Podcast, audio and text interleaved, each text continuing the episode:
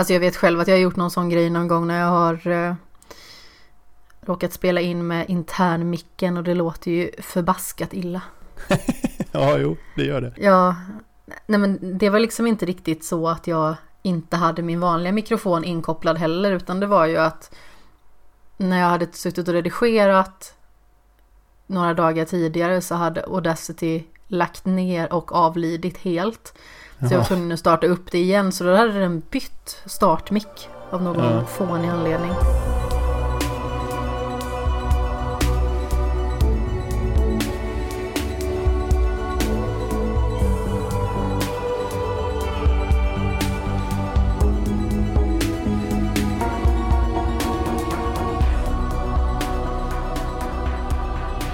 Hej och hjärtligt välkomna till den trettionde episoden av Skämshögen med mig Amanda Sten och på andra sidan skogen sitter Mats Nylund. På andra sidan skogen? Vilken skog? Alltså det är nog ganska så många skogar emellan oss. Ja det är sant i och för sig, jag är på andra sidan landet mer eller mindre. Ja men exakt, rakt motsatt sida. Ja, baksidan kan man säga. Ja, det har för mig att vi sa sist också, jag tror att jag fick en liten déjà vu nu faktiskt. Ja, det är mycket möjligt. Fast en riktig déjà vu, då, då är det att man känner igen någonting som aldrig har hänt. Ja, det är i och för sig sant. Eh, jag har för mig att déjà vu har att göra med att det liksom blir en liten felkoppling i hjärnan. Så att... Ja, att det är någon bekant grej som liksom utlöser en kedja av saker i hjärnan som, så att du tror att du känner igen hela situationen fast du bara känner igen en liten detalj. Mm. Något sånt tror jag. Ja, något Eller i den spöken, stilen. vem vet. Ja, precis. Är allt väl med dig?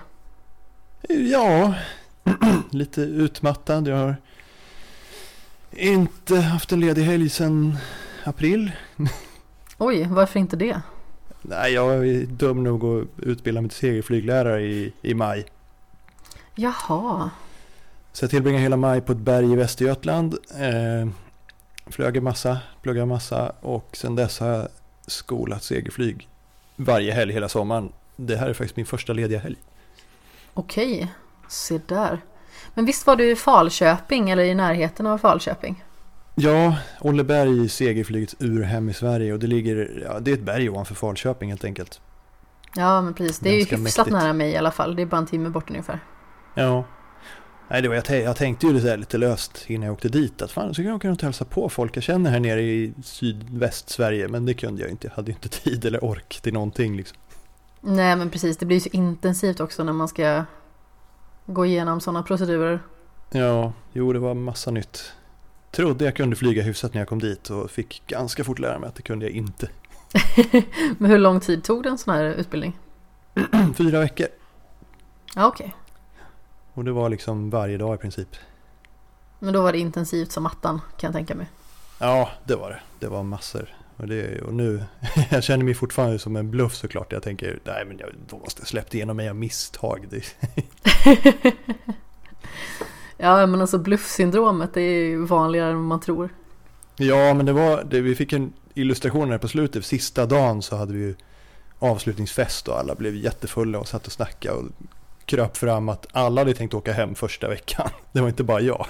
Oj, Det var liksom alla kände att nej men det här fixar inte jag, alla andra är så mycket bättre. Liksom.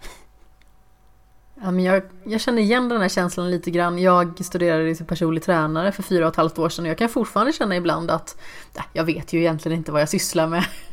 Nej. Även att jag var förmodligen den så. som blev först licensierad liksom. Ja, det, det är så med allt egentligen. Det är så på jobbet också. Liksom. Man, jag tror man inte känner att man har klättrat lite högre än man egentligen förtjänar så, så gör man nog något fel tror jag. Ja, det är mycket möjligt. Men sist du var här så pratade vi om att du hade skaffat en Playstation 4 precis, visst var det så? Ja, det kan nog stämma. Det var väl något år sedan. Det, det var när, någon månad efter att Red Dead Redemption kom ut, för jag ville spela det, så köpte jag en, en Jo, bundle. men precis. Jag får nästan kolla upp det här nu när vi sitter här i, jag höll på att säga direktsändning, det är det ju inte. Men eh, Det beror på, hur mycket klipper du bort? Vad kan jag säga liksom? precis, men säg vad tusan du vill. Du var med i avsnitt två i alla fall, så långt minns jag, och det släpptes den 8 januari. Mm, det känns som Så en det är fortfarande i år? tradition. Jag tror jag är med i PC Gamer nummer två också, så börjar med Ah, skribentkarriär. Sådär, sådär. Men du har ju gissningsvis spelat hyfsat mycket på din Playstation 4 i alla fall, sedan du var här sist. Ja, inte så mycket som jag borde kanske, men jag har ju, lustigt nog så har jag ju egentligen köpt spel på rea som jag redan har spelat på PC. Jaha. typ Ghost Recon Wildlands och Subnautica och så här. Sådana här spel som jag känner att de här kommer jag vilja spela igen och jag kanske vill spela dem nedsjunken i soffan med en skål godis liksom. Ja men precis, det är ett ganska bra sätt att spela spel på. Ja, och det har jag ju gjort. Och sen har jag ju haft min lilla hög med skämsspel, eller jag har fortfarande några kvar faktiskt. Ja, men det har man ju alltid. Ja.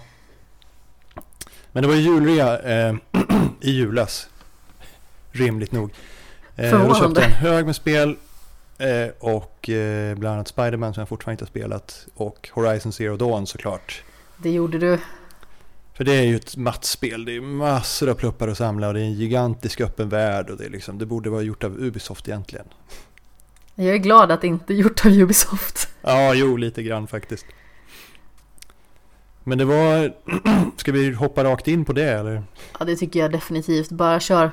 Ja, för det var, alltså det är sådana spel som jag visste att jag skulle gilla det. Jag visste bara inte hur jag skulle hitta tid. Och så lyssnade jag faktiskt på en annan podd nu ska jag inte göra reklam här, men den handlar om pixlar. eh, och eh, i den podden så nämndes det att eh, Horizon Zero Dawn var typ det bästa spelet sedan någonsin. Och eh, då kom jag ihåg, fan Horizon Zero Dawn, det har jag ju på min Playstation, det borde jag ju spela.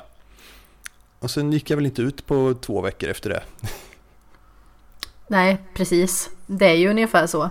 Jag recenserade ju det på loading. Det var faktiskt min första recension där. Ja. Släpptes ju i början av 2017. Och ja, jag är ju liksom inte en person som gillar öppna världar på det sättet. Alltså det kan vara trevligt. Men jag är inte en sån eh, pluppmani-person som du är. Och, Nej, det är nog jag. ja, men jag eh, blev verkligen helt fast i allting som hade med det här spelet att göra. Och ja. Eh, jag tror att Innan jag ens började tänka på att skriva recension hade jag nog spelat 20 timmar tror jag. Ja, nej men ja, jo men jag fattar att det var ett spel som jag skulle gilla liksom. men eh, jag fattar inte att det skulle vara så jäkla bra som det var. Att det bara skulle sugas in i det och fastna. Vad är det du gillar så mycket med det då? Alltså jag vet ju vad jag gillar med det i och med att jag tycker att det är förmodligen ett av de två bästa spelen den här generationen. Ja, jag är nästan började hålla med i alla fall topp 10 måste det minst vara, kanske topp 5 till och med. Men det är, det är en så bra kombination. För jag funderar lite på det här på sista tiden eh, eftersom jag har suttit och skrivit en andra åsikt om Ghost Recon Breakpoint som vi kanske nämner senare. Eh, till PC Gamer. Och då funderar jag på liksom, varför är Ghost Recon Wildlands bättre än efterföljaren Breakpoint? Och jag kom fram till att det är för att de har liksom listat ut hur man berättar en historia i en öppen värld i det spelet. Och sen har de glömt det i tvåan. eh, och, och alla, eller eh, Horizon Zero Dawn gör ju exakt det. De berättar en linjär historia i en öppen värld så att du ändå liksom kan grena ut det lite och, och undersöka och utforska andra grejer och föra storyn vidare fast du kommer tillbaka till huvudstoryn hela tiden. Eh, det är någon slags, jag vet inte, det, det är ett skitbra exempel på hur man berättar en historia i en stor sandlådevärld. Ja, men jag håller med fullt ut och det är det som är så himla tilltalande för mig. För att jag vill ju väldigt ofta hålla mig till huvudberättelsen och sedan så vill jag liksom knoppa av mig lite åt olika håll när jag känner att jag har tid eller lust. Men i och med att själva huvudberättelsen var så himla tilldragande och att jag liksom ville hela tiden samla mer så jag skulle kunna få bättre vapen och bli ännu bättre i strid och sådär. För Horizon är inte helt lätt egentligen. Nej, men jag kör på ganska, jag tror att det kör strax under mitten där på svårighetsgrad. Mm. Hur många finns det? Jag kommer inte ihåg. Det är tre vad jag vet. Är det bara tre? Ja. ja men då kör jag nog på, jag kör i alla fall inte, inte på den lättaste, men inte den svåraste heller, för jag kände liksom att ja, men jag vill spela, jag vill se storyn, jag vill se världen, jag vill inte hålla på och slåss i 8000 timmar med liksom monster som har jättelång health bar. Ja men exakt, och alltså det är ju väldigt utmanande och därför så kände jag liksom att ja, jag behöver gå runt och samla på ja, all den här flodslin och grejer så att jag skulle kunna göra pilar. Mm. Och sen så liksom upptäckte jag ju hur himla kul det var så jag samlade för fasen allting hela tiden som en dåre. ja, sen inser man att hela mitt inventory är fullt av pinnar.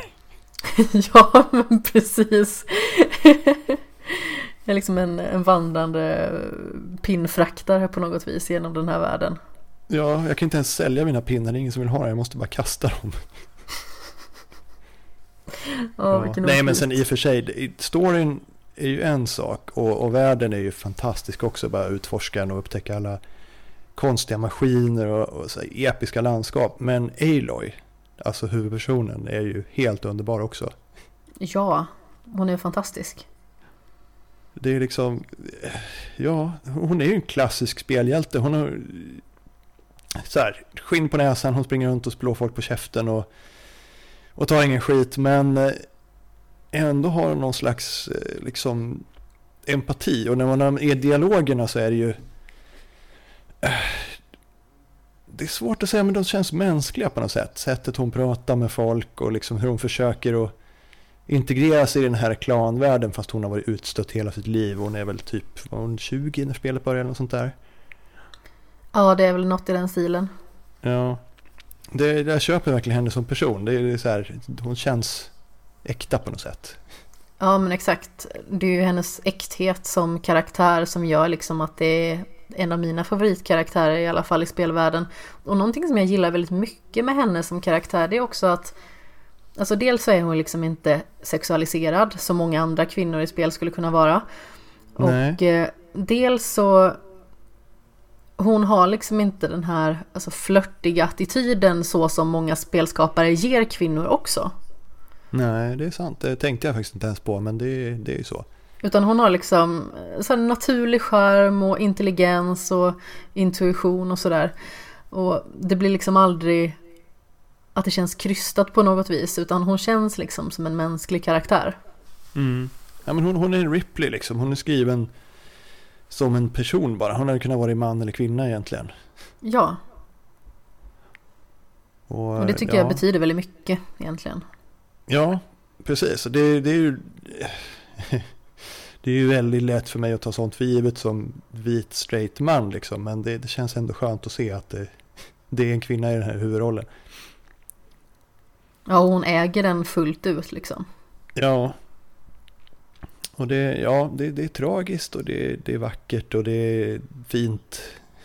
Och det är väldigt Alltså man fattar ju var storyn är på väg liksom. Man fattar, jag har faktiskt inte spelat klart det, jag har några timmar kvar. Men man förstår ju var storyn är på väg, man förstår ungefär vad huvuddragen kommer att vara. Men det gör inget för det är så bra berättat liksom. Ja. Men hur många timmar har du lagt ner i det ungefär då? Oj, jag vet inte. Kan man se det på Playstation? Det kan man inte va? Det tror jag att man kan. Ja, men jag kan, kan, tänka mig men, att du har lagt ner nej, många i alla fall. Alla, alla, alla lediga timmar på två veckor i alla fall. Men det var ju mycket samla pinnar då förstås. Såklart, det där pinsamlandet kommer man inte undan. Nej, plocka blommor liksom, allt sånt. Ja. Men sen liksom att göra nya pilbågar tycker jag om. Ja, det är, ja pil, bågskyttet är jäkligt bra gjort alltså. Det är, mm. det är i och för sig många spel som får till det bra, men just här känns det riktigt bra. Man har sån användning för det. Alltså om vi tar till exempel Tomb Raider så Visst, man har en pilbåge. Men den används inte alls lika frekvent som det gör här. Det finns få saker som är så tillfredsställande i spel som att sitta i en buske i Horizon och så sitter man ute för ett sånt här typ bandit camp eller någonting och så eh, pilbågar man liksom de här nissarna i huvudet. Ja, ja jag blir så nöjd. Det, är fantastiskt bra känsla i den. Det är, alltså egentligen det enda jag inte gillar i spelet är klättrandet. För Aloy är skitdålig på att klättra. Det är bara att konstatera. Det har jag inte riktigt tänkt på faktiskt. Om jag ska vara helt ärlig. Det finns ju bara några så här ljusgrå kanter som man faktiskt kan klättra på. Och allting annat så bara göra något så här fjantigt hopp upp och ramla ner. ja, jo men det är väl sant förvisso. Det är ju lite synd att det inte finns mer klättringsmöjligheter utan att det är väldigt begränsat på den punkten. Ja, hon är definitivt ingen Lara Croft liksom. Om hon ser en bergvägg då, kan hon förmod då får hon förmodligen gå runt. Antingen så skallar hon den liksom eller så hittar hon en grå plupp som hon kan ta tag i. Ja, men jag menar det, det var ju lite en utmaning att hitta den vägen att klättra på också. Men man har ju blivit lite bortskämd med så här Assassin's Creed och så där man bara kan klättra på allt i princip. Ja, ja det är väl lite synd egentligen i Horizon. Jag har inte ens tänkt på det tidigare som sagt. Um, att man inte kan klättra på allting för det blir ju uppenbart liksom att det är ett spel. Eller man ja. klämmer av liksom att uh, det är ett spel i många andra aspekt. Och sen ja, så kommer det till en sån punkt. Det handlar inte riktigt om det men, men det är ju som där, ja som, som du säger att man inte kan klättra på allt för att ibland så springer man ju på så här klippblock som man lätt skulle kunna liksom häva sig upp på med händerna men det går inte. Nej men exakt, så står man där och springer mot blocket liksom. Ja, så man, men man kan hoppas på tvåan kanske, det måste ju komma en tvåa. Ja, ja, men det är bekräftat. Det kommer komma en, om det var 2021 tror jag. Jaha, PS5 såklart. Mm. Det stämmer Måste jag bra. köpa en sån också då? Ja, det är ett hårt liv du lever Mats. Ja, jag vet det. Men jag får försöka stå ut. Ja, men du kommer ju ha gott om tid att eh, spela Playstation 4-titlar till dess. Ja, jag känner att jag måste i alla fall hinna med Spiderman. Alla andra spel jag har köpt är väl i princip sådana som jag redan har spelat. Eh, eller inte bryr mig så mycket om, men Spiderman måste jag hinna med. Så jag ska göra klart det här, sen spela Spiderman. Ja, det tycker jag definitivt. Alltså Spiderman var så otroligt roligt. Alltså så här, ren spelglädje bara. Ja. Och även att det också var ett så här pluppspel.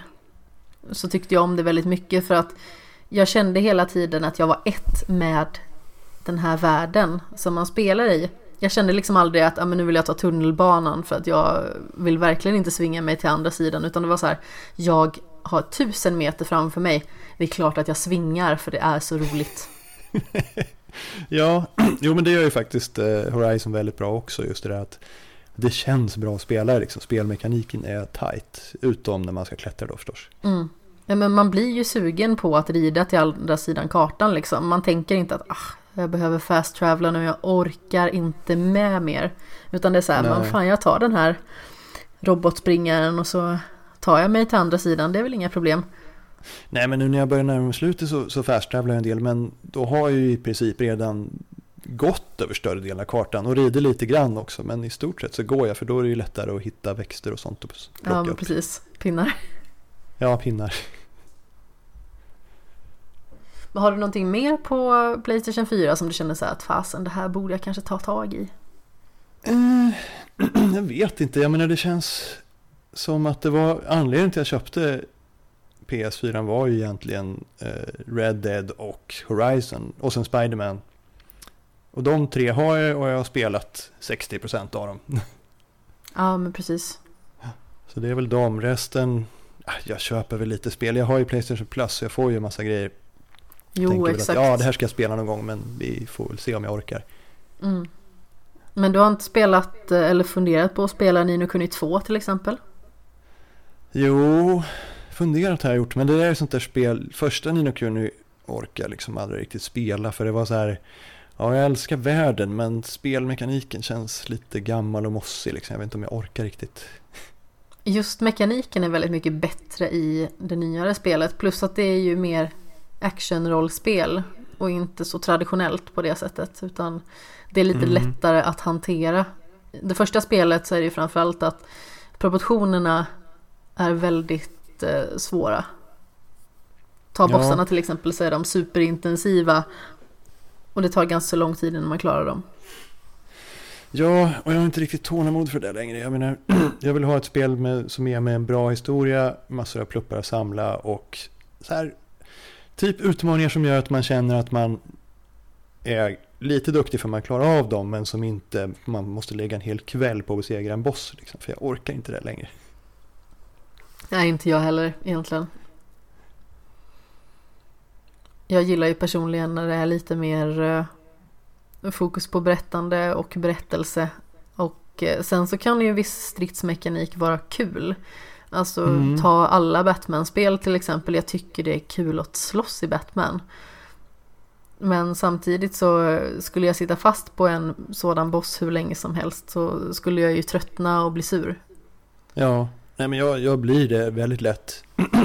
Horizon är väl ungefär så långt jag orkar med bossar liksom, för det är ju några, inte bossar egentligen, men lite svårare grejer som man måste spöa som tar lite tid. Fast det, det finns ju lite bossar där som är ganska svåra va? Ja, men det, de kanske jag fastnar lite på så, så går jag iväg och gör något annat en stund eller läser en bok eller något så kommer jag tillbaka några timmar senare och så gör jag klart det och klarar det kanske på andra eller tredje försöket. Det kan jag leva med, men jag kommer ju aldrig att spela liksom här självplågerispel som Dark Souls och sånt. Usch, nej. Nej, det kommer inte hända. Alltså all heder till folk som sätter sig och spelar det. Och det är otroligt imponerande att se folk bli bra på den typen av spel. Men mm. jag tror att jag skulle bli skallig av att spela alltså, den typen av spel. Inte, kan man inte bara sticka tandpetare under naglarna istället eller något? Men usch. ja men det är, liksom, det är lite samma sak för mig. Jag tycker, det är bara plåga sig själv, jag har inte tålamod. Uh, just i uh, 3D så är inte jag bra på svåra spel. Däremot så kan jag tycka att det är väldigt kul med tvådimensionella spel som är svåra. Ja. Alltså typ Super Meat Boy och Celeste och den typen av spel. Ja, ja lite grann. Jag menar, det var jag är nog mera på, vad ska man säga, vad var det senaste sådana spel jag spelade? Det var nog Fest tror jag som jag tyckte var helt underbart. Och det är ju inte jättesvårt så, det är mer klurigt liksom. Ja, det är det definitivt. Det tar ju en eh, hyfsad stund innan man hittar alla de här små bitarna som man behöver få. Ja, och så vrider man nivån och så ser man att oj, jag har missat en hel bit här liksom. Mm. FS är väldigt fint, jag tycker om det så otroligt mycket. Ja, Ja, det, jag, som gammal speljournalist så klarar man inte så mycket spel. Men eh, det är ett av dem som jag faktiskt har satt mig ner och klarat. Ja. Och Horizon kommer inom kort och bli, också bli ett av dem. Ja, ja men det är bra. Om, utan att spoila allt för mycket. Eh, hur långt har du kommit eh, i berättelsen? Eh, ja, vad ska man säga? Jag har väl fått reda på vem min mamma är typ. Ja, ah, okej. Okay. Den, den jag vet inte, det känns som så här den stora midgame avslöjandet liksom. Men då har jag ju tillbringat kanske 20-30 timmar med att springa runt och samla grejer innan det. Så själva storybiten har jag spelat igenom ganska fort efter ett tag. Ja, men precis. Men då är det hyfsat långt in vill jag minnas. Ja, det är nog. Men, då, men sen känner jag att nu kommer jag ju bara liksom att kanske samla någon pinne till och sen kommer jag bara köra igenom storyn på några timmar, liksom, det som är kvar. Ja, plöja. Ja. Det roliga biten när jag, när jag har gjort hundgörat liksom, har tillräckligt många pilar. alltså jag är så extremt sugen på att sätta mig och spela om Horizon. Ja. Men eh, samtidigt så vet jag ju liksom att jag har 71 andra spel jag behöver spela. Ja. Men du behöver ha någon companion som sitter bredvid och dricker öl och tittar på liksom. Ja, alltså ofta så är det ju så. Det är lättare att klara spel när man är två. Ja, det är Dels det. så kan man räcka ifrån på sig. Liksom hämtar snacks och... Ja, men sen så känner man liksom så här bara, nej, nu blir jag sur på det här partiet. Rädda mig. Och så kan man ja. lämna över kontrollen och så kanske den personen klarar en liten bit. Ser saker man inte själv ser. Och har man liksom en baksätesspelare med sig, alltså den ser ju mycket mer som man själv inte ser för att man kan bli väldigt fartblind när man spelar och så blir man frustrerad. Ja, en mänsklig FAQ liksom. Ja, precis. Något i den stilen. Nej, det är skitbra. Jag saknar någon sån faktiskt, tyvärr. Det är inte, det är inte samma sak att spela själv, även om det är ett riktigt bra spel. Man vill gärna dela det med någon. Ja, Definitivt. Första Red Dead Redemption spelade jag igenom nästan 100% inför publik av människor som var bakis, för jag spelade mest på söndagar. Ah, okej. Okay. Det var så jäkla kul. Det, var så här, då kunde, det kunde liksom vara fest. Och så var det någon stackars vrak som hamnade där hemma, satt i soffan och bara, men, ja, men kan vi inte köpa pizza så kan du spela cowboyspel så kan jag titta på. kan du spela cowboyspelet? Ja. Det var Åh, vad härligt. Ja. Ja men det är ju så. Jag kan tycka att det är ganska härligt att bara kolla på också när någon spelar någonting som personen är väldigt investerad i. Ja, jo men det är det ju. Särskilt om det är något med lite story så här. Och sen kan man stå ut med att gå runt och, och samla blommor ibland. Ja, men exakt. tillbaka till story någon gång. Definitivt. Men du hade spelat mer, du hade spelat eh, Ghost Recon Breakpoint. Ja, det, fick mig, det som fick mig fundera på det här med story i, i öppna världar.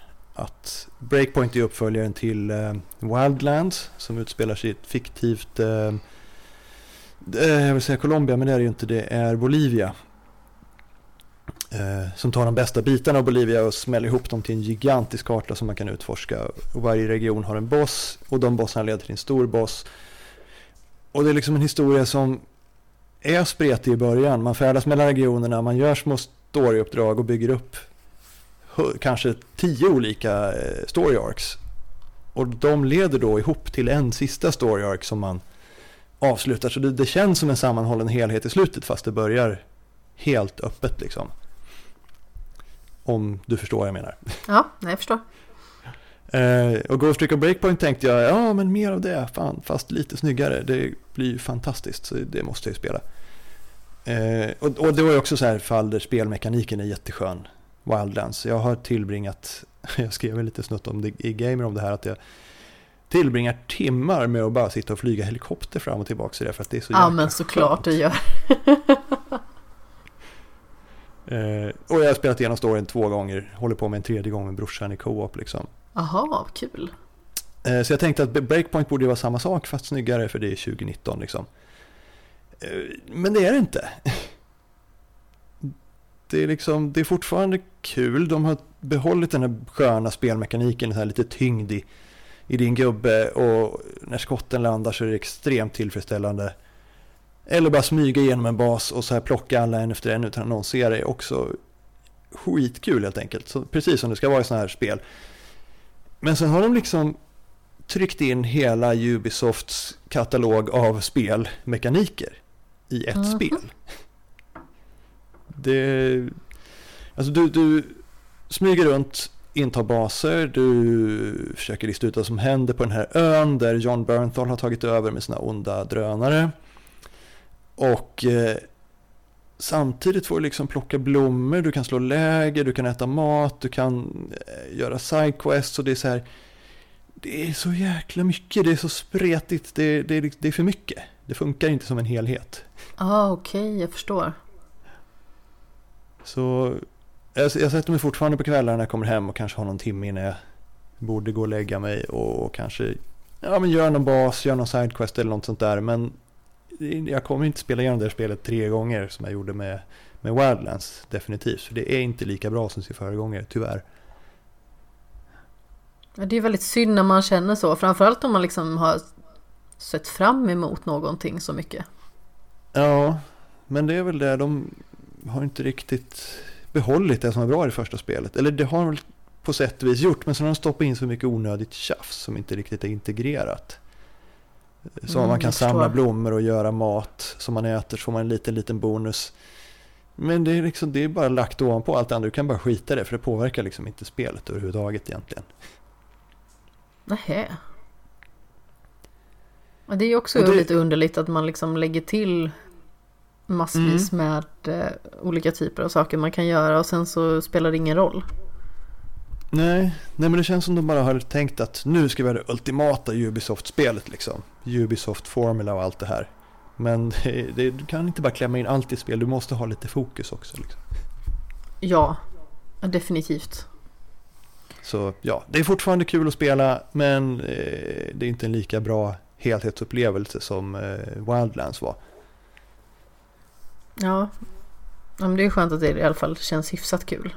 Så sett. Ja, det, det är fall där de verkligen har bemästrat spelmekaniken och den är jätteskön. Liksom. Utom helikoptrarna som de har totalt förstört. Jag hatar helikoptrarna i Breakpoint. Okej, okay, vad är det då då? De har bara liksom glömt all tröghet. Så här, de, de beter sig som de var gjorda av kartong och satt på en pinne liksom. Det är helt Åh, värdelöst. Nej. Så det finns liksom ingen känsla kvar i det överhuvudtaget? Nej. Vilket är märkligt eftersom den känslan finns ju i din egen karaktär. Liksom. Nomad som du springer runt med. Han känns ju tung och han, han svänger inte på en femöring utan det, det, det är lite svajigt och sådär.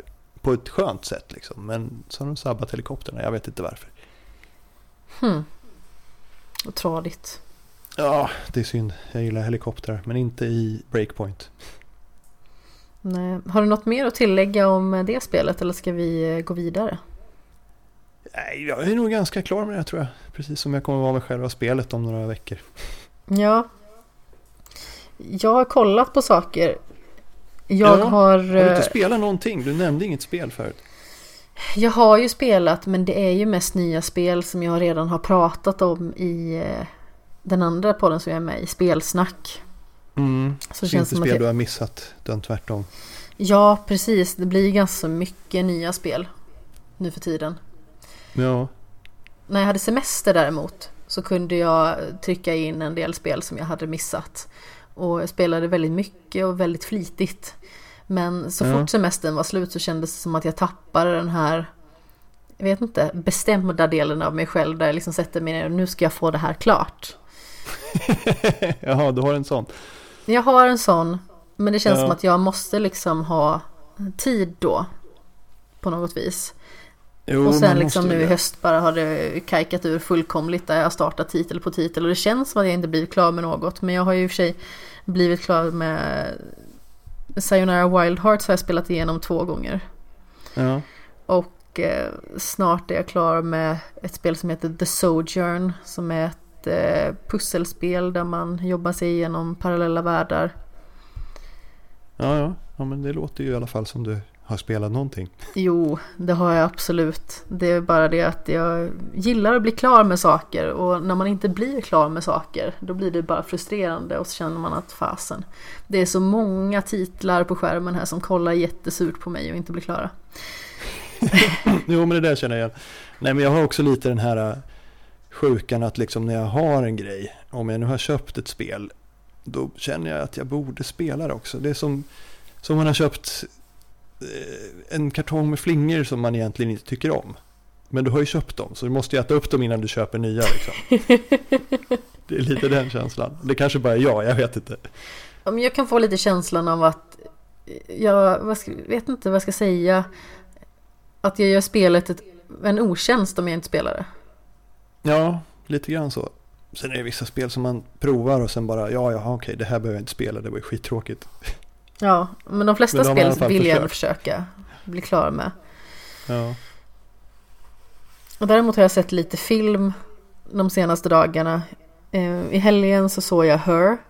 Som jag eh, tyckte ganska så bra om. Om jag ska vara helt ärlig. Men den har även Jimmy sett. Så den ska vi kanske prata om eh, när han kommer hit igen. Han har ju varit med i majoriteten det? Av... det den? Det är med Joaquin Phoenix och eh, Amy Adams är med, Rooney Mara. Och sen så är eh, Scarlett Johansson en eh, röst bara. Ja, den! Ja, just det, nu vet jag. Mm. Den såg jag också ganska nyligen. Den, ja, jag, jag förväntar mig ingenting så jag blev, gillar den väldigt mycket. Mm. Men som sagt, den får ni spara då. Ja, och sen så såg jag någon Netflix-film som heter Fractured som var hyfsad. Jag såg en film som heter Regression som var med Emma Watson bland annat och ehm, Ethan Hawke. Den var inte alls bra. Jag såg eh, Dark Crimes som var med ehm, Åh herregud, nu tappar jag namnet här fullkomligt. Jim Carrey. Han skulle spela en lite mer seriös roll. Han Mm. är hyfsad i den, men filmen var inte heller så jättebra. Så det känns som att jag haft ett stråk när jag inte har sett så jättebra filmer. För en vecka sedan såg jag dessutom Suicide Squad. Som jag också pratade om i podden. Och den var ju eh, lågvattenmärket verkligen. Deluxe. Ja, den tänker jag nog inte se tror jag. Det, det Nej, räcker med att jag har sett inte eh, det. vad heter det, Deadpool 2 som gjorde någon slags parodi på den. Ja. Däremot så har jag sett en film som heter Midsommar. Som kom i år. Mm. Det, den är inte svensk va? Fast ti- titeln till trots. Ja men exakt. Det är ju Ari Aster som har regisserat. Som också regisserade Hereditary. Mm. Och eh, det handlar om eh, en ung kvinna som heter Danny. Som eh, förlorar sin syster och eh, sina föräldrar. Systern begår självmord och tar även med sig föräldrarna i fallet.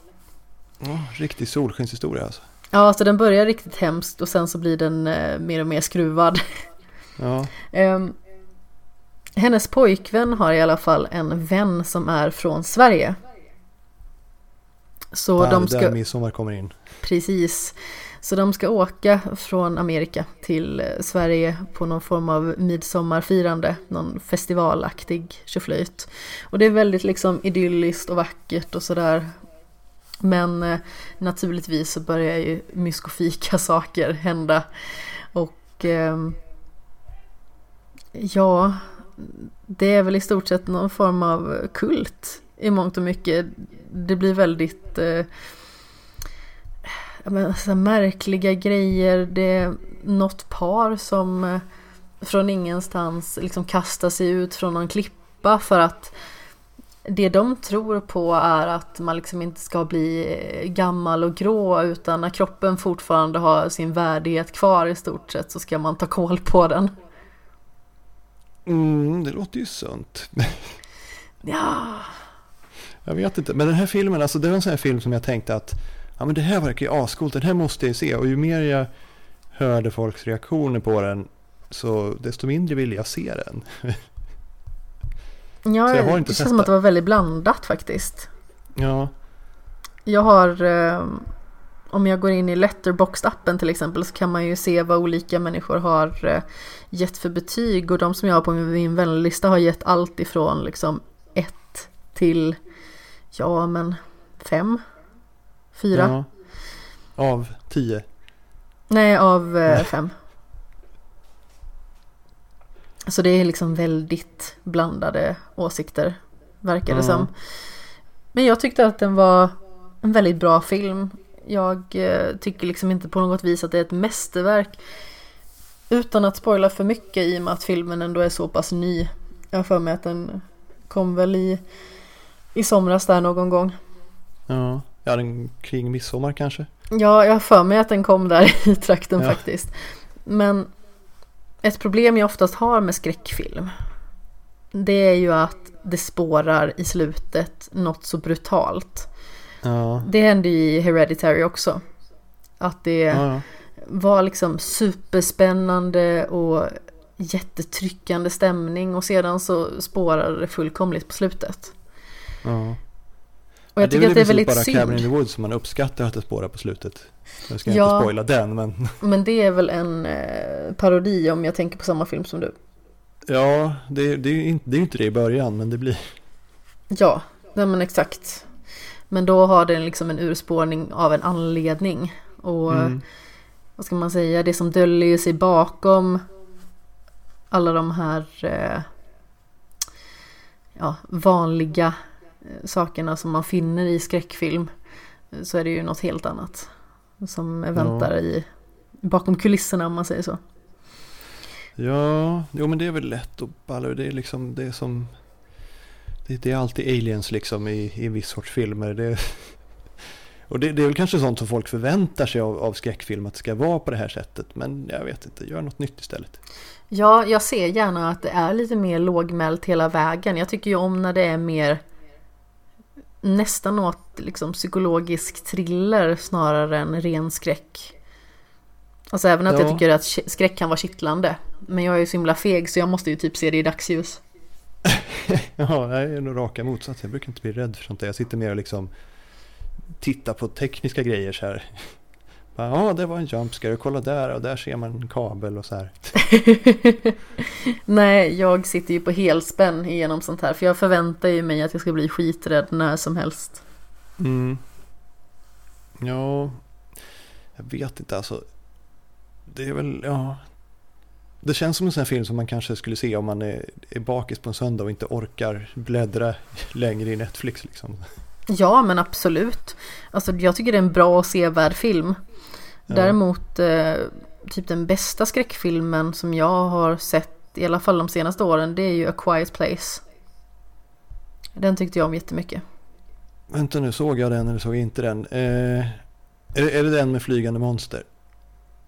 Flygande monster vet jag inte riktigt om man skulle kunna säga. Nej, då är det den andra. Det finns en annan där folk måste vara tysta för att det är flygande monster som äter dem. Jaha, de kommer väl eh, hoppande och attackerar skulle jag väl eh, säga. Men då tänker vi på samma film.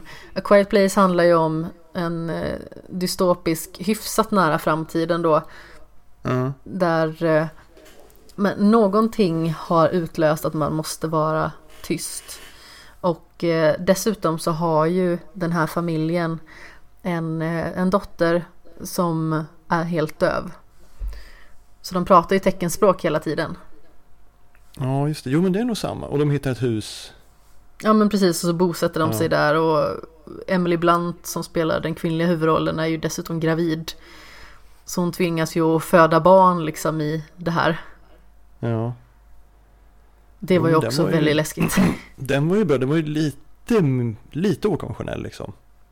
Ja, alltså visst naturligtvis på slutet så det blir ju inte lika spännande när man faktiskt har sett vad det är för monster.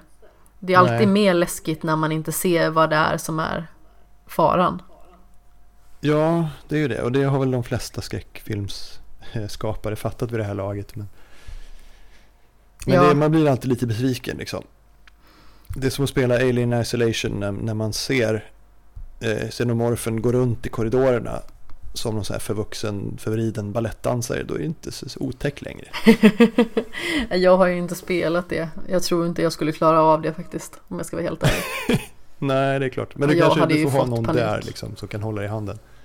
Ja, eh, så är det nog egentligen. Eh, däremot så på hyfsat senare dagar så såg jag ju första Alien-filmen. Mm. Och den var ju inte så läskig. Alltså det är vissa sekvenser som fortfarande är hyfsat läskiga. Men man ser ju i stort sett vad de har gjort i filmen. Och det roliga är ju Ja. att i slutscenen så ser man ju den här xenomorfen och är så stel. Så att det ser ut Ja. som att den gör robotdansen liksom. Det ser så ja, men det roligt var ju en ut. snubbe i en dräkt liksom. Ja, jo. Absolut. Men det ser så himla roligt ut för att det, det ser liksom superstelt ut. Ja, fast den är, jag tycker ändå den är rätt imponerande för sin tid. Och, Ja, absolut. Den är gjord på 70-talet liksom. ja, men det jag, det jag älskar med den är ju den, Den är väldigt stilbildande. 80-tals, eller 70-tals, ja, retrofuturismen. Mm. Fast det var väl bara futurism då. Liksom. Det är all, alla så här datorer har liksom stora knappsatser och små skärmar och allting är jättestort och, och jättebiffigt liksom. Jo, men det är ju roligt med alltså gamla filmer och hur de porträtterar framtiden. Ja. Men om man kollar på eh, filmer nu, sci-fi-filmer nu så sitter ju liksom eh, piloterna på rymdskeppet och knappar på iPads liksom. Då var det stora spakar och knappar och rattar och blinkande lampor. Jag tycker det är mycket charmigare. Ja, eh, definitivt. Men nu känns det liksom som att det är närmare verkligheten när man går in i framtiden. För att Ja, nu är man i framtiden. Nu är man på en punkt där teknologin är så pass avancerad. Medan liksom på så här 60-70-talet då hade man ju liksom en föreställning om hur framtiden skulle se ut och skapade sin bild ut efter det och det blir väldigt roligt och väldigt charmigt tycker jag. ja. Jo, fast ändå. De kunde ju liksom inte ens föreställa sig så här att vi skulle ha telefoner med touchscreens där vi liksom har hela mänsklighetens vetande i fickan. Nej men precis. Eh, Så de gjorde ju inte det. De tog ju sin version av framtiden och då var det ju samma knappar och rattar fast lite fetare och lite mer blys, lys, blinkande lampor liksom. Ja, Och det är egentligen det vi gör idag. Det är fortfarande liksom, ja men i rymdskepp hundra år i framtiden sitter de med iPads fast lite större iPads. absolut. Men jag tror inte att jag har något mer att tillägga om Midsommar i sig. Nej, Eller någon annan alltså. film. Den är absolut sevärd. Det är inte den bästa skräckfilm jag har sett men eh, jag tycker egentligen att den var i stort sett i klass med Hereditary. Jag tyckte att Hereditary var väldigt bra men jag tyckte att den var lite överskattad. Och de som har pratat gott om Midsommar tycker jag också har höjt den lite för mycket. Båda Mm. filmerna är typ så här 3 av, 3,5 av 5. Ja, Och det är väldigt bra filmer. Alltså jag menar... det är det ju. Det är det ju. Men jag menar, Det är ett bra betyg men Ja men som sagt det är liksom inget fantastiskt som man absolut måste se utan Har man tid Nej. över, se den. Ja, Se inte Suicide Squad för allt i världen. jag tänker inte se den. lovar. Nej, men alltså det var, för min del så var det bara i studiesyfte att se den. Ja. Bara för att jag hade liksom alltså, sett vad, vad är det Joker. för fel på DC liksom? Kan de inte göra någonting bra? Nej, Eller i och för sig, jo, eh, Batwoman på, på HBO, två avsnitt ute. Den är faktiskt inte dålig, den är lovande. att du säger att den inte är dålig istället för att du säger att den är bra. Jag vet inte riktigt hur jag ska tolka det. Ja, men jag försöker lägga förväntningarna på någon slags så här DC-nivå nu. Ja, Jag menar, ja, från men, Marvel så förväntar Mm. man sig bra filmer i det här laget. ja, alltså den berömda DC-nivån, den är ju liksom... Den är inte att leka med. Nej, Nej men det, det, är en, alltså, det är en tv-serie som handlar mer om, vad ska man säga, det, det är väldigt mycket så här familjeförhållanden och, och känslor och sånt mer än folk som slår varandra på käften i, i lustiga kostymer. Och jag gillar det. Ja, ja men absolut. Det är det som jag uppskattar till exempel i eh, alltså, Nolans Batman. Det är ju att det blir mer förankrat i en verklighet. Ja, man man jo, ser människor Säga, med mänskliga rel- relationer. ja, precis. Jag skulle säga i det avseendet så är ju Batwoman, de två avsnitt som är ute hittills i alla fall, eh, väldigt mycket förankrad i, i, i verkligheten. Mm. Ja, men det låter den lovande. jag följa med intresse. Jag får väl kanske ta en kik på den då. Ja, det är värt en titt i alla fall. Första avsnittet är ju typ så eh, späckat med grejer som händer så att det känns som en säsong av en vanlig serie. Oj. Sen lugnar ner sig lite i andra avsnittet. Men har jag fått om bakfoten eller är det Ruby Rose som spelar huvudrollen? Ja, det är det. Hon är lite stel i början men jag tror hon börjar hitta in i det i andra avsnittet. Ja, okej. Ja, men jag får ta en kik helt enkelt. Ja, gör det. Det är intressant att höra vad du tycker. Mm. Men en huvudkaraktär som vi eh, båda två gillar väldigt mycket. Nej, det är att underdriva lite tycker jag. Alltså, älskar då. Alltså jag har ju världens crush på henne, det är inte sant. Det är sån underbar människa existerar. Ja. Men du och jag har i alla fall sett Fleabag.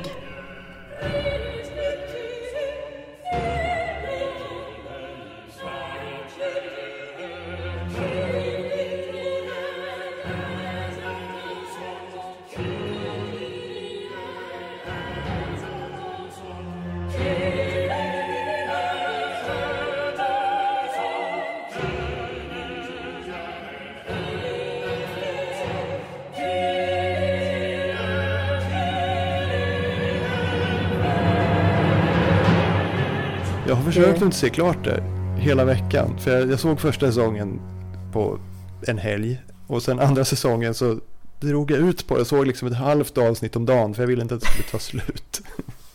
Nej, men alltså andra säsongen är alltså sju resor bättre än första tycker jag. Alltså jag tyckte första var en, så en bra serie. Den var liksom så här typiskt brittiskt rolig. Den är hyfsat mörk. Men Ja. det kändes ju liksom som att ja, men det är någonting där som inte riktigt kommer hela vägen fram. Och jag tror att det som gör att det vänder, det är ju när man får Ja. veta hur kompisen dör. Ja, det, det var en sån här...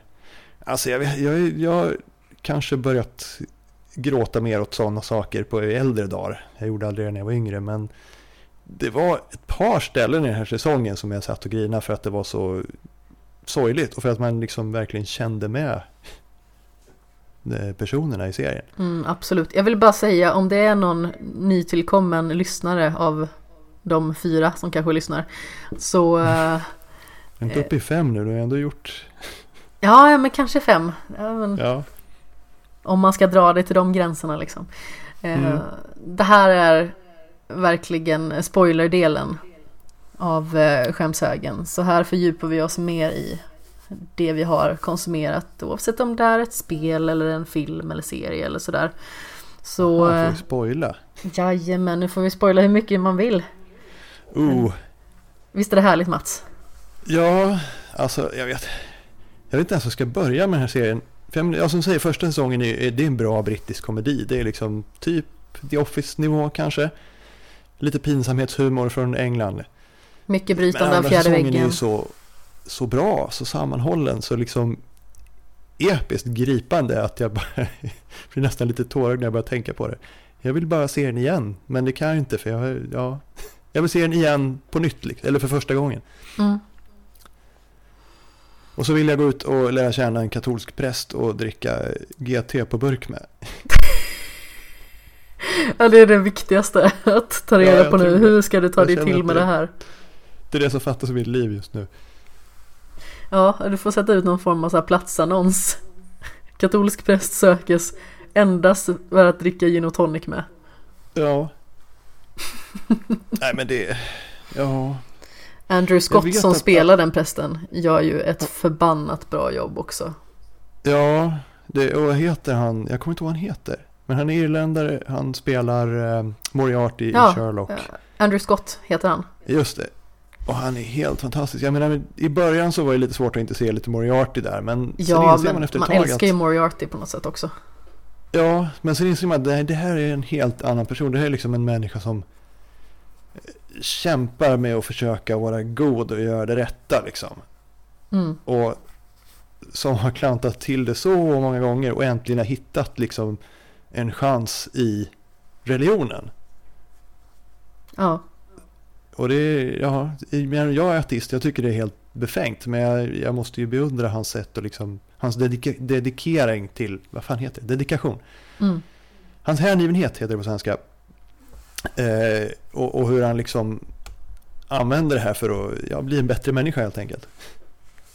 ja. Jag tror ju inte Han- heller på någonting. Så Nej. sånt kan oftast bli väldigt främmande. Samtidigt så man förstår ju att folk finner någon form av eh, tröst eller eh, ger sig själv en andra chans via religion. Ja, och jag menar, det, all respekt för det. Folk får tro på vad de vill. Och råkar det vara Gud eller vad som helst. Så, Ja, eller en trärot liksom. Man får väl Ja. tro på vad man vill. Så länge det inte Ja. skadar någon så. Nej, precis. Och det, och det är ju liksom det, det man inser efter ett tag här. Att liksom den här prästen skadar ju ingen. Liksom. Han är ju bara en anständig människa. Något. Och det, det är Ja. ganska uppfriskande att se en katolsk präst vara det för all del. Alla i den här serien är ju väldigt mänskliga. Ja. Och det är inga som är onda liksom. Det är det. Jag, menar, jag vet att Phoebe Waller-Bridge som jag verkligen högaktar efter att ha sett det här är ju Hon har ju sagt att Fleabag, som ju aldrig namnges i serien eh, Hon är ingen god människa liksom. Hon är lite av ett as. Jag vet inte om jag håller med. Nej. Jag- Alltså Hon är visst. inte det. Hon, är, hon försöker göra så gott hon kan liksom. Hon är inte, inte särskilt bra på det men Nej, men alltså visst. Hon gör ganska så många dåliga val. Helt Ja. enkelt. Men samtidigt så. Det finns väldigt många människor som gör väldigt tveksamma val. Och Ja. e- ett av de största misstagen hon begår naturligtvis. Det är ju att ligga med sin kompis kille. Vilket då genererar i att. Nu var det ett tag sedan jag såg första säsongen av Fleabag förvisso. Men kompisen går ut i gatan och blir påkörd. Visst är det så? Ja, jag tror inte det där riktigt hade utkristalliserat. Det var bara något som hände i första säsongen. I andra så får man ju veta som sagt att hon har legat med hennes kille och hennes kompis vet ju inte att det är hon som har gjort det. Nej. Men hon vet att någon har gjort det. Så hon tänker att ah, men nu ska jag gå ut och bli påkörd av en cykel så måste han liksom komma till sjukhuset och älska mig. Och så blir hon påkörd av en bil och dör. Ja. Och det är klart att ja, men då känns det ju som att Fleabag liksom, att, hon har dödat sin kompis. Mm. I princip. Och får sedan adoptera kompisens marsvin. Ja, just det. Och hennes marsvins eh? Guinea Pig Themed Café. Ja. Och de har ju ett café ihop som hon sedan liksom får ta hand om själv och det går ju inte bra. Nej, men det går ju bra i säsong två. Mm. Ja men då Efter börjar att det de få lite uppsving. liksom. Ja. Det, det är också kul med han som återkommande gästskådisen som är en douchebag på banken i början. Och eh, som fortsätter vara douchebag fast liksom han växer ju, han blir ju bättre. Och på slutet kommer han in med present så här bara, ja ah, varsågod det är ett marsvin. Och hon tittar in i kameran och bara, det är en hamster.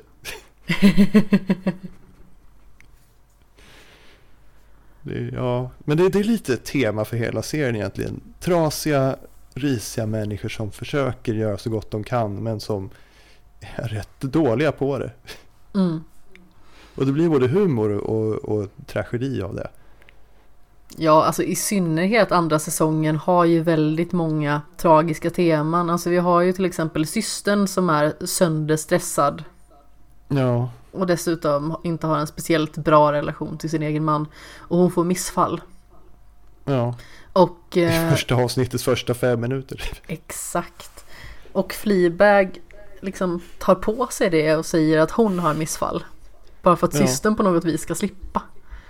Ja, och då tror alla att hon bara söker uppmärksamhet som vanligt liksom. Ja. Men det är ju liksom bara för att systern har ju så extremt mycket stolthet. Och är, vad ska man säga? Hon har liksom kanske inte riktigt ett baseballträd där solen aldrig skiner, men hon är lite stel av sig. Ja, det är ju lite pinnvarning där faktiskt. Ja, Där det är ju- pinnvarning.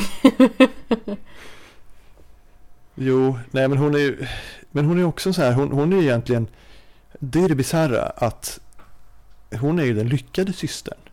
Hon har en framgångsrik karriär, hon har en tjusig man från USA och liksom allt går ju bra för henne, men det är ju hon som lider.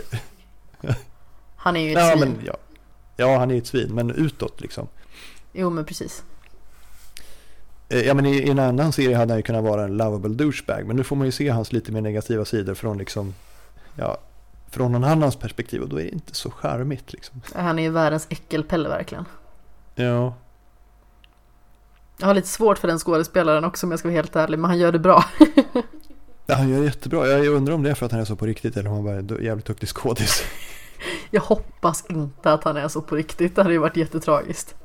Ja, jag har sett honom i något annat, jag vet inte vad, men han, det känns som han är lite typecastad som, som douchebag liksom. Ja, men jag vill minnas att jag har sett honom i någonting också, men det är så här, vad är det jag har sett honom Ja, jag vet faktiskt inte.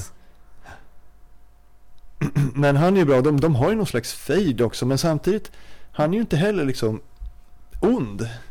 Nej, Han är en douchebag och han är ett as mot eh, Fleabag, mot sin fru och mot alla i största allmänhet. Men ändå liksom när, när hon, eh, Claire då, eh, säger åt honom att lämna henne. Så han säger, jag tänker inte lämna dig förrän du faller på knä och ber mig göra det. Hon direkt ner på knä. Då respekterar han ju faktiskt det. mm. Så han är ju inte komplett, han är ju inte helt räddningslöst förlorad heller. Liksom. nej men exakt. Visst är han med i Stranger Things? Ja, det kan Och är den här han där? eh, konspirationsteoretikern? Ja, det är han ju! Ja, just det. Ja, det är han ju inte ett as på samma sätt. Nej, där är han ju bara paranoid. ja, Han är en bra Ja. skådis ändå. ja, han är perfekt för den rollen om inte annat. Ja, definitivt. Men alltså det som stjäl varenda avsnitt i den här säsongen är ju liksom eh, Phoebe Waller-Bridge och Andrew Scotts scener.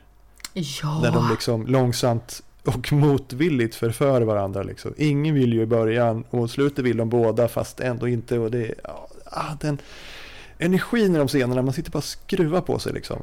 alltså deppen jag gick in i när de inte får varandra i slutet av säsongen. Ja, Alltså jag började ju Ja. storböla. Fasen vad jag tyckte att det Ja. var jobbigt. Det är liksom så här. Och jag vill ju att de ska få varandra. Sen så kan jag ju gilla när saker och ting liksom inte slutar perfekt. För jag vet ju att det kommer förmodligen inte komma någon uppföljare. nej hon har ju sagt att hon kanske kommer återbesöka henne när hon är 50 och Fleabag också är 50 för att se hur det har gått. Liksom. Men att hon tycker att nej men nu vill hon göra något annat. Ja. Och jag är helt okej väl med det liksom. Ja, Att en serie slutar när den är på topp. Ja, och det, det gjorde den ju verkligen. Jag menar, en säsong till, ja då är risken att det blir sämre för det är svårt att göra bättre än så här tycker Mm. Ja, men ta Sherlock till exempel som är en typisk, alltså riktigt bra brittisk serie. Första säsongen är kanon. Andra Ja. säsongen är perfekt. Tredje säsongen Ja. är nästan kanon. jag. Fjärde bra. säsongen är poop. Ja, no, jo men ja. Jo, men fjärde säsongen en fungerar säsong inte. tidigare helt enkelt. Nej men alltså i tredje säsongen så fungerar det fortfarande. Alltså det är fortfarande en liksom bra säsong. Det är mycket humor som funkar väldigt väl, alltså jargongen mellan alltså såväl Watson och eh, Sherlock som den är mellan Watson och Mary och Mary och Sherlock. Alltså ja. alla har liksom så, så rolig liksom egen humor mellan varandra liksom så. Men alltså fjärde säsongen funkar ju bara inte. Och det Nej, finns det ingenting det som gör så ont avsnitt. i mig. Det, är några bra avsnitt men det är inte som helhet fungerar inte. Det blir det är inte särskilt tillfredsställande slut. Liksom. Nej och framförallt så finns det många scener som är riktigt tveksamma i fjärde säsongen. Ja. Nej det är synd. De borde ha bara slutat där. Mm. Det räckte liksom. Ja definitivt. Men och det är väl lite så här tyvärr. Det är nu, nu sitter vi båda här och bara längtar efter mer och det måste betyda att ja, det är väl dags att sluta. Ja, men som sagt risken hade ju varit att det hade blivit en säsong tre som kanske egentligen hade gett oss det man vill ha, alltså lite mer liksom lycka åt hennes håll. Fast samtidigt så när man tänker efter så det är inte det som alltså Fleabag går ut på. Nej. Och då kommer vi sitta och klaga över det istället, över att det slutar för lyckligt och att det liksom inte riktigt fungerar. Så det är faktiskt ja, perfekt det att det slutar så här. Det hade inte varit on-brand liksom. Nej men exakt. Och ja, men som sagt, i första säsongen tyckte jag att det var väldigt svårt att relatera till uh, Fleabag. Mm. För att hon var liksom mest besvärlig och liksom när hon stjäl den här statyn av sin styvmor som spelas av Olivia Colman och hon gör ju ett sånt jäkla bra jobb med att vara jobbig. Ja, det är den värsta styvmorsan jag kan tänka mig. Också. Ja, hon är fantastisk. Alltså, både i The Favourite och i uh, Broadchurch så älskar ja. jag henne. Hon är ju ja, hon är helt fantastisk. Vem är det som spelar pappan? Alltså, jag, jag känner igen honom också. Oj, eh, Bill Patterson. Ja, jag kommer bara inte ihåg vad jag sett honom i. Nej, jag är lite osäker på det också. Men det är ju mycket så med många brittiska skådespelare att man känner igen dem från olika typer av roller och sen så eh, kommer man liksom inte på var det är ifrån. Ja, men det är väldigt mycket, ja, som du sa förut, säsong ett är jättebra. Men den är mer för att etablera henne som karaktär och hennes värld. Och säsong två är ju en, en sammanhållen och extremt tight story arc liksom. Ja.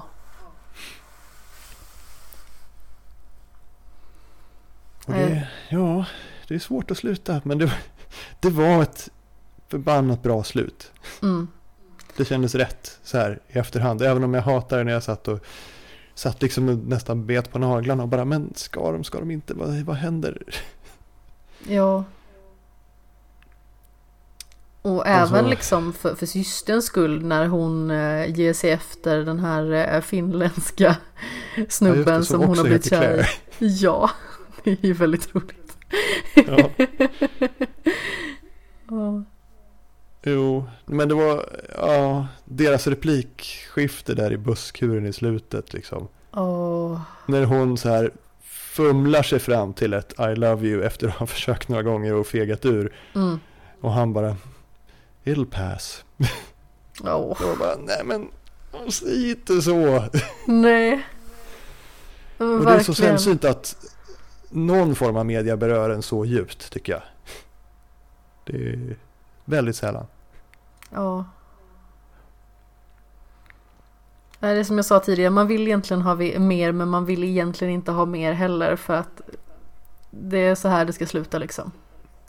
Det är ja. en sorglig karaktär och det bör sluta sorgligt även att liksom man, man vill på något sätt att det ska gå bra för henne för man hejar på henne. Men samtidigt så vet man liksom att hon är inte den karaktären som det liksom slutar i alltså, rosa ballonger och sockervadd för. Nej, nej och, och det, jag vet inte, jag är nästan lite trött på filmer och serier som ger en det man vill ha egentligen. Ja, alltså det blir ju mer otippat. Och ja. det otippade är väldigt tilltalande tycker jag i alla fall. Ja, måste ju få det vi vill ha hela tiden. Då blir man ju aldrig överraskad. Liksom. Nej, men alltså, dels liksom överraskningsmomentet och dels jag är ju en förespråkare för tragiska slut. Ja. Oftast är det så här ju mörkare desto bättre och det låter ju väldigt tragiskt men jag tycker ju om när det liksom finns någon form av äkthet. Alltså i verkliga livet, allting slutar definitivt inte lyckligt. Nej. Ja, men det är ju inte ett olyckligt slut så heller, det är ganska öppet egentligen. Ja, det är det definitivt, men man blir ju sorgsen i hjärtat. Ja, det blir man ju. För att jag menar, ja, det här hade kunnat bli vackert, det blev det inte, men det är liksom, ja, ingen dog och liksom det, livet går vidare på något sätt. Ja, ja, men inte just då i alla fall. Nej, det var ju folk som dog innan, men ja. Ja. Jag vet inte, jag, jag, jag blev så glad att den här serien överraskade mig. Helt enkelt, jag tror att det var det. Jag också. Min eh, kära vän eh, Tobias Andersson från Svampriket var det som rekommenderade mig att se den här. Ja. Och när jag hade kommit några avsnitt in i första säsongen så var det så här. Varför vill han att jag ska se det här? det är ju bara vanlig britthumor liksom. Ja, nej men alltså visst jag gillar brittisk humor men jag tyckte definitivt inte att den var bättre än någon annan brittisk humor. Mm. Faktiskt sämre än mycket annat brittiskt som jag har sett. Alltså Afterlife har jag ju nämnt en hel del gånger i eh, podden i år. För att det är ju en av de bästa serier som har släppts det här året tycker jag. Alltså det är ju det bästa, med undantag för eh, julavsnittet som avslutade Extras så är det ju det bästa Ricky Gervais har gjort. Alltså den är så gripande och så bra och jag skrattade och jag grät och jag skrattade tills jag grät. Ja, men samtidigt kändes den ändå som lite av en karikatyr liksom av depression och ångest. Medan Fleabag känns mer, ver mer verklighetsnära liksom. Jag vet inte om jag håller med faktiskt. Jag tyckte att eh, Afterlife kändes extremt gripande. Mycket av det ja, som jo. Ricky Gervais har gjort tidigare har liksom varit någon form av eleverad version av olika människotyper eller dylikt. Mm. Men allt det här kändes så himla äkta och så himla nära hjärtat på något vis. Och jag, på sätt och vis blev jag ju glad när jag såg att, ja men okej, den blir förnyad för en andra säsong. Men samtidigt så är det så här, den är perfekt som bara de avsnitten. Det räcker. Ja, det hade inte jag ens sett. Varför? Jag vet inte.